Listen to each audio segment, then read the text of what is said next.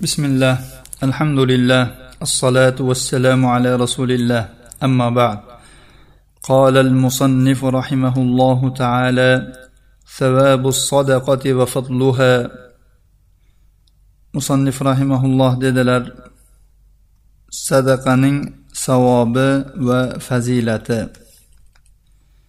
قال الله تعالى من ذا الذي يقرض الله قرضا حسنا فيضاعفه له اضعافا كثيره alloh subhanahu va taolo baqara surasi ikki yuz qirq beshinchi oyatda dedi kim alloh subhanahu va taologa qarzi hasana beradi alloh taolo unga ajrini bir necha barobar qilib bersa وقال تعالى والمتصدقين والمتصدقات الى قوله اعد الله لهم مغفره واجرا عظيما alloh subhanahu va taolo ahzob surasida sadaqa beruvchi erkaklar va sadaqa beruvchi ayollar degandan keyin oyatlarning davomida aytdiki alloh taolo ular uchun mag'firatni va ulkan ajrni tayyorlab qo'ydi demak sadaqa qiluvchilar uchun erkak bo'lsin ayol bo'lsin ulkan ajrlar bor وقال تعالى إن المتقين في جنات وعيون إلى قوله وفي أموالهم حق للسائل والمحروم الله سبحانه وتعالى زاريات سورة سدا taqvo qiluvchilar muttaqillar jannatlarda va chashmalar uzra ekanliklarini aytdi va ularning shu joylarga erishishlarining sababini ayta turib dediki ularning mollarida so'rovchi uchun ham mahrum uchun ham ma'lum haq bor edi. So'rovchi ya'ni bu o'zining hojatini bildirib so'raydigan odam. Mahrum odam bu o'zi aslida faqir miskin odam lekin so'rolmaydi o'zining muhtojligini izhor qilolmaydigan inson. Ular o'zlari bilib so'rovchiga ham so'ramagan bechora miskinlarga ham o'z mollaridan infoq qilardilar. وقال تعالى إن المصدقين والمصدقات وأقرضوا الله قرضا حسنا يضاعف لهم ولهم أجر كريم alloh taolo hadid surasining o'n sakkizinchi oyatida dedi sadaqa beruvchi erkaklar va sadaqa beruvchi ayollar va alloh taologa qarzi hasana qilganlar ular uchun ajrlari bir necha barobar qilib beriladi va ular uchun mo'l ajr ham bordir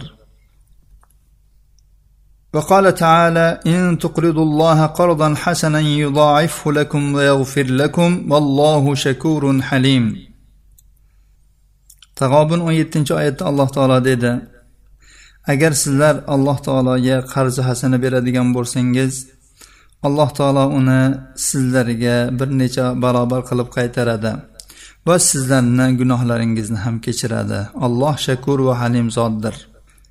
Aslida alloh taolo o'zi bu ne'matlarni bu mol dunyolarni bergan bo'lsada kerakli o'rinlarga sarflashni alloh taolo go'yoki qarzdek e'tibor qilyapti. Aslida alloh taolo buyurib qo'yishga haqli edi. Falon falon o'rinlarga sarflanglar deb. Lekin alloh taolo o'ta karamli zot bo'lganligi uchun o'zi ne'matni berib mol dunyoni berib keyin shu sarflangiz shu sarflaganingiz qarz hasana e'tibor qilinadi. Men buni sizlarga bir necha barobar qilib oxiratda qaytaraman demoqda. Bu alloh taoloning shakur va halim zot ekanligiga dalolat qiladi. Shakur zot ya'ni alloh taolo ularning bu qilgan sa'y harakatlarini sadaqotlarini qadrlaydi va o'shanga yarasha mukofotini beradi halim ya'ni alloh taolo shu sarfla degan o'rinda sustkashlik qilib sarflamagan bandalariga tezda azobni yubormaydigan halim zotdir وقال تعالى وما تقدموا لانفسكم من خير تجدوه عند الله هو خيرا واعظم اجرا muzammil surasi yigirmanchi oyatda alloh taolo dedi o'zlaringiz uchun taqdim qilgan yaxshiliklarni alloh taoloning huzurida yana ham yaxshiroq va ajrlariga yana ham kattaroq bo'lgan holatda topasizlar dedi. Bu xususda oyatlar juda ham ko'p. Mana shu qadr bilan kifoyalanildi. Endi sadaqaning savobi va fazilat haqida vorid bo'lgan hadislar bilan tanishishga o'tamiz inshaalloh. وعن ابي هريره رضي الله عنه ان رسول الله صلى الله عليه وسلم قال ما نقصت صدقه من مال وما زاد الله عبدا بعفو الا عزا فما تواضع احد لله الا رفعه الله عز وجل رواه مسلم abu hurayra roziyallohu anhudan rivoyat qilinadi rasululloh sollallohu alayhi vasallam dedilar sadaqa molni kamaytirgan emas. Olloh bandani kechirim bilan faqat azizligini oshiradi. Kim alloh uchun tavozi qilgan bo'lsa alloh azza va jalla uni ko'taradi. Imom muslim rivoyatlari. وعن أبي كبشة الأنماري رضي الله عنه أنه سمع رسول الله صلى الله عليه وسلم يقول ثلاث أقسم عليهن وأحدثكم حديثا فاحفظوه. قال ما نقص مال عبد من الصدقة ولا ظلم عبد مظلمة صبر عليها إلا زاده الله عزا ولا فتح عبد باب مسألة إلا فتح الله عليه باب فقر أو كلمة نحوها. وأحدثكم حديثا فاحفظوه. قال إنما الدنيا لأربعة نفر.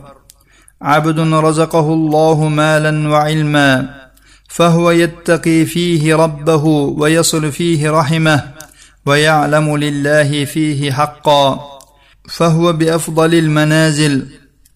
وعبد رزقه علما ولم يرزقه مالا فهو صادق النية يقول لو أن لي مالا لعملت فيه بعمل فلان فهو بنيته فاجرهما سواء وعبد رزقه الله مالا ولم يرزقه علما فهو يخبط في ماله بغير علم. ولا يتقي فيه ربه ولا يصل فيه رحمه ولا يعلم لله فيه حقا فهو بأخبث المنازل. وعبد لم يرزقه الله مالا ولا علما فهو يقول لو أن لي مالا لعملت فيه بعمل فلان فهو بنيته فوزرهما سواء رواه ابن ماجه والترمذي وقال حديث حسن صحيح. Abu kabshal anmoriy roziyallohu anhudan rivoyat qilinadi. U zot rasululloh sollallohu alayhi vasallamni shunday deyayotganlarini eshitgan ekanlar. Uch narsaga qasam ichaman va men sizlarga bir hadisni aytaman uni yodlab olinglar. Aytdilarki bandaning moli sadaqa bilan kamaymaydi. Qay bir banda zulmlansa va sabr qilsa alloh taolo uning azizligini ziyoda qiladi. Qay bir banda tilamchilik eshigini ochadigan bo'lsa alloh taolo unga faqirlik eshigini ochib qo'yadi. Yoki shunga o'xshash bir so'zni aytdilar. Va dedilar men sizlarga bir hadisni aytaman uni uni yodlab olinglar. Aytdilarki dunyo to'rt kishi uchundir. Birinchi kishi ya'ni bir bandaiki olloh unga mol va ilm bergan. U ana shu molida robbidan taqvo qiladi. U molida qarindosh urug'iga aloqa qiladi. Bu molda allohning haqqini ham biladi. Bu banda eng yuqori eng afzal manzilatdadir. Yana bir bandaga olloh ilm bergan unga mol bermagan. Uning niyati to'g'ri. Aytadiki agar mening ham molim bo'lganda falonchi qilgan ishlarni qilardim deydi. U niyatiga yarasha oladi. Bu ikkisining ajrlari tengdir. Ya'ni ana shu bu odam moli yo'q odam alloh taolo mol va ilm bergan odamning qilgan ishlarini niyat qiladi orzu qiladi. Yana bir bandaiki alloh taolo unga mol bergan unga ilm bermagan. U molida ilmsiz tasarruf qiladi. Molida robbidan taqvo qilmaydi. Bu moli bilan qarindosh urug'lariga ham aloqa qilmaydi. Alloh uchun bu molda haqni ham bilmaydi. Bu eng yomon eng habis manzilatdadir. Yana bir bandaiki to'rtinchi banda olloh unga mol ham ilm ham bermagan. Mahrum. Shunday bo'lishi bilan birga u aytadiki agar mening molim bo'lganda falonchiga o'xshagan ishlarni qilardim deydi. Ya'ni anavi eng yomon manzilatdagi odamning ishlarini qilardim deydi. U niyati bilandir. bu ikkisining gunohlari bab barobardir ibn moja va termiziy rivoyat qilganlar termiziy buni hadisun hasanun sahih deganlar shayx alboniy bu hadisni sahihun g'ayrihi deb hukm qilganlar وعن ابي هريره رضي الله عنه قال قال رسول الله صلى الله عليه وسلم بين رجل في فلاه من الأرض فسمع صوتا في سحابة اسقي حديقة فلان فتنحى ذلك السحاب فأفرغ ماءه في حرة. فإذا شرجة من تلك الشراج قد استوعبت ذلك الماء كله فتتبع الماء فإذا رجل قائم في حديقة يحول الماء بمسحاته فقال له يا عبد الله ما اسمك؟ قال له فلان للاسم الذي سمع في السحابة فقال له يا عبد الله لم سألتني عن اسمي؟ قال إني سمعت صوتا في السحاب الذي هذا ماؤه يقول اسق حديقة فلان لاسمك فما تصنع فيها؟ قال أما إذ قلت هذا فإني أنظر إلى ما يخرج منها فأتصدق بثلثه. واكل انا وعيالي ثلثا وارد فيه ثلثه رواه مسلم abu hurayra roziyallohu anhudan rivoyat qilinadi dedilar rasululloh sollallohu alayhi vasallam aytdilar bir kishi yaydoq cho'lda ketib borayotgan edi to'satdan bir bulutdan shunday tovush eshitdi falonchining bog'ini sug'or haligi bulut burildi va o'z suvini bir toshloq joyga to'kdi. U yerdagi bir ariqcha bu suvlarning hammasini o'ziga oldi. Haligi odam suvning orqasidan bordi. Qarasa bir kishi bog'da turib olib suvni o'z ketmoni bilan u yoqqa bu yoqqa burayotgan ekan. Unga dediki ey abdulloh isming nima? U faloncha dedi. Ana shu bulutda eshitilgan ismni aytdi. U ham bundan so'radiki ey abdulloh nimaga endi meni ismimni so'rayapsan? U aytdiki men mana shu suv undan tushgan bulutda bir ovozni eshitdim. Unda aytildiki sening ismingni zikr qilinib falonchining hadiqasini ya'ni bog'ini sug'orgin deyildi. Sen bu bog'ingda nima qilasan? Buning siri nima? deb so'radi ya'ni. U aytdiki ha endi sen buni so'rading endi aytaman. Men bu bog'dan chiqadigan narsaga qarayman. Uning uchdan birini sadaqa qilaman.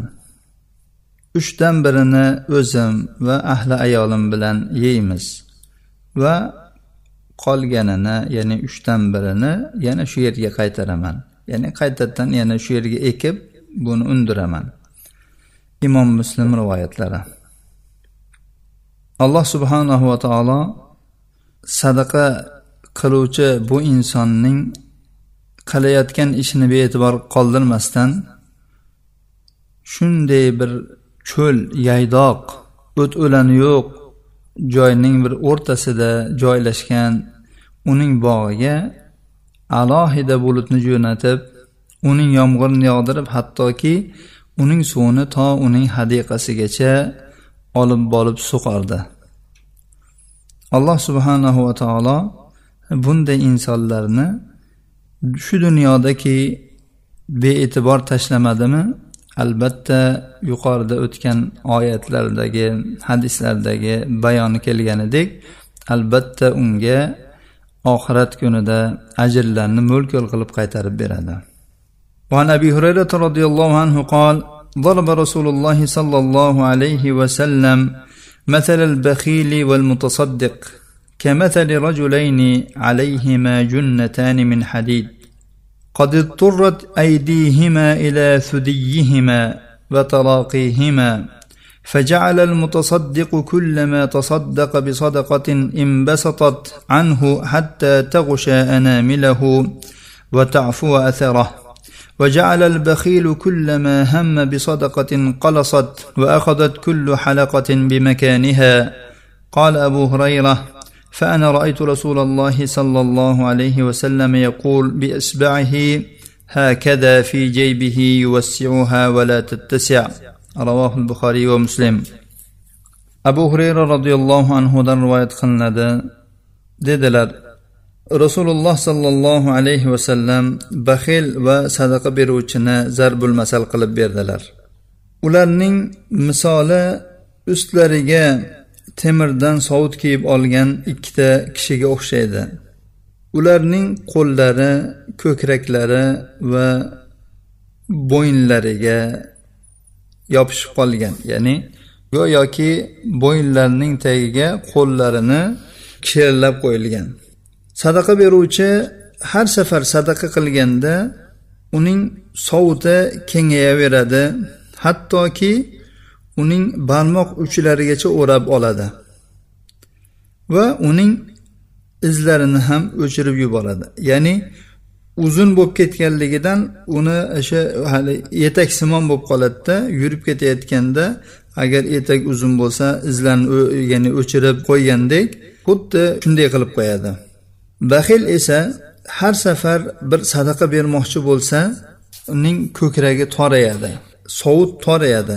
Va har bir halaqa o'z o'rnini oladi. Ya'ni u torayib torayib ketaveradi. Uni qo'li yanayam bo'yniga yopishib uni sovuti ham torayib ketaveradi.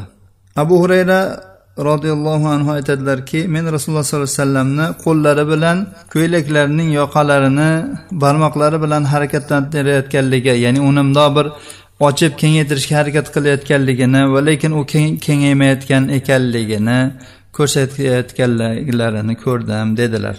Ya'ni rasululloh sollallohu alayhi vasallam hattoki uni shu hadisni aytish asnosida yoqalariga shu qo'llarini solib odatda insonning nafasi bo'g'ilgan paytda shu kengaytirmoqchi bo'ladi ko'ylagining yoqasini. Shu holatni bir tasvirlab berdilarki baxilniki shu torayib ketaveradi iloji boricha shu kengaytiraman deydi torayib ketaveradi. Bu yerda e, bu zarbil masalda sadaqa qilish ya'ni qo'lning cho'zilishi bilan zarbil masal qilingan bo'lsa bu kiyimning ya'ni sovutning temir sovutning kengayishi uning ko'ngli ya'ni sadaqa beruvchi xursand bo'lib ko'ngildan chiqarib bergani uchun uni ko'ngli yana ham ravshanlashib yana ham ko'ngli kengayadi. Shuni bir misol qildilar. Endi baxil sadaqa bermoqchi bo'lsa uni yuragi siqilib ketadi va qo'li orqaga tortilib ketadi. Shuni bir misolini qildilar. وعن يزيد بن أبي حبيب قال كان مرثد بن عبد الله المزني أول أهل مصر يروه إلى المسجد وما رأيته داخلا المسجد قط إلا وفي كمه صدقة إما فلوس وإما خبز وإما قمح قال حتى ربما رأيت البصل يحمله قال فأقول يا أبا الخير إن هذا ينتن ثيابك. قال فيقول يا, يا ابن أبي حبيب أما إني لم أجد في البيت شيئا أتصدق به غيره. إنه حدثني رجل من أصحاب رسول الله صلى الله عليه وسلم أن رسول الله صلى الله عليه وسلم قال ظل المؤمن يوم القيامة صدقته. رواه ابن خزيمة ورواه أحمد وابن خزيمة أيضا وابن حبان والحاكم. yazid ibn abi habibdan rivoyat qilinadi dedi marsad ibn abdullah al muzani rahimahulloh misr ahlining masjidga eng birinchi bo'lib boradigan kishisi edi. Men uni qachon masjidga kirayotganligini ko'rsam albatta uning yengining ichida bir sadaqa bo'lardi. Yo pul bo'lardi yoki non yoki bug'doy. Hattoki gohi kunlarida uni piyoz ko'tarib olganligini ko'rganman. Va aytganmanki ey abul xayr abu sizni kiyimingizni badbo'y qilib qo'yadiku. U zot aytganlarki ey abu habib men uyimda sadaqa qilish uchun shundan boshqa narsani topmadim. Menga rasululloh sollallohu alayhi vasallamning ashoblaridan bir kishi shunday hadis aytib bergan. Rasululloh sollallohu alayhi vasallam deganlarki mo'minning qiyomat kunidagi soyasi sadaqasidir. Ibn huzayma rivoyati imom ahmad ibn huzayma ham boshqa yerda rivoyat qilganlar ibn hibbon va hokim ham rivoyat qilganlar. Shayx alboniy bu hadisni sahih targ'ibda sakkiz yuz yetmish ikkinchi raqam bilan hasan sanaganlar. وعن عقبة بن عامر رضي الله عنه قال سمعت رسول الله صلى الله عليه وسلم يقول كل امرئ في ظل صدقته حتى يقضى بين الناس قال يزيد وكان مرثد لا يخطئه يوما إلا تصدق فيه بشيء ولو كعكعة أو بصلة عقبة بن عامر رضي الله عنه روايات قلنada dedilar men rasululloh sollallohu alayhi vasallamdan shunday deyayotganlarini eshitdim. Har bir kishi to qiyomat kuni odamlar o'rtasida hukm qilib bo'lingunicha o'zining sadaqasining soyasida bo'ladi. Yazid aytadilarki marsad rahimaulloh biron kun sadaqa qilmay qo'ymas edi garchi bir bir bo'lak non bo'lsada yoki bir dona piyoz bo'lsada sadaqa qilardilar. وخرج الطبراني بإسناده عن عقبة عن عقبة أيضا قال قال رسول الله صلى الله عليه وسلم إن الصدقة لتطفئ عن أهلها حر القبور وإنما يستظل المؤمن يوم القيامة في ظل صدقته. tabaroniy o'z isnodlari bilan uqbadan yana rivoyat qiladilar. Rasululloh sollallohu alayhi vasallam dedilar sadaqa o'z ahli uchun qabrlar issig'ini pasaytiradi mo'min qiyomat kunida o'z sadaqasining soyasida soyalanadi shayx alboniy sahiy targ'ibot tarhibda sakkiz yuz yetmish uchinchi raqam bilan bu hadisni hasan sanaganlar وعن انس رضي الله عنه قال كان ابو طلحه أكثر الأنصار بالمدينة مالا من نخل وكان أحب أمواله وكان أحب أمواله إليه بيرحاء وكانت مستقبل المسجد وكان رسول الله صلى الله عليه وسلم يدخل ويشرب من ماء فيه طيب. قال أنس فلما نزلت هذه الآية لن تنالوا البر حتى تنفقوا مما تحبون قام أبو طلحة إلى رسول الله صلى الله عليه وسلم فقال يا رسول الله إن الله تبارك وتعالى يقول لن تنالوا البر حتى تنفقوا مما تحبون وإن أحب أموالي إلي بيرحاء وإنها صدقة أرجو برها وذخرها عند الله فضعها يا رسول الله حيث أراك الله. قال فقال رسول الله صلى الله عليه وسلم بخ ذاك مال رابح رواه البخاري ومسلم anas roziyallohu anhudan rivoyat qilinadi dedi abu talha madinalik ansoriylarning eng hurmosi ko'p kishisi edi uning mollari ichidagi eng sevimlisi bayruho edi bayruho xurmozor bog'i bo'lib rasululloh sollallohu alayhi vasallam masjidining ro'parasida edi Rasululloh sollallohu alayhi vasallam u bog'ga kirar va undagi totli bir suvdan ichib turardilar. Anas aytadilarki alloh subhanahu va taolo to o'zingizlar yaxshi ko'radigan narsadan infoq qilmaguningizgacha yaxshilikka yeta olmaysizlar oyatini nozil qilgan paytda abu talha rasululloh sollallohu alayhi vasallamning oldilariga bordi. Va dedi ey rasululloh alloh taboraka va taolo o'zlaringiz yaxshi ko'rgan narsalardan infoq qilmaguningizgacha yaxshilikka yetisha olmaysizlar demoqda. Mening mollarim ichida menga eng sevimlisi bayruhodir. Buni sadaqa qildim. Uning yaxshiligini va uni allohning oldida saqlanib turishligini xohladim. Ey rasululloh uni alloh taolo sizga ko'rsatgan bildirgan joyga qo'ying. Rasululloh sollallohu alayhi vasallam dedilarki bay bay bu juda ham foydali mol dedilar. Imom buxoriy va imom muslim rivoyatlari. Bu xususda vorid bo'lgan hadislar juda ham ko'p bo'lib inshaalloh kelgusi darslarimizda davomlarini o'qiymiz. Hada sallallohu ala nabiyina muhammad وعلى آله وصحبه وسلم.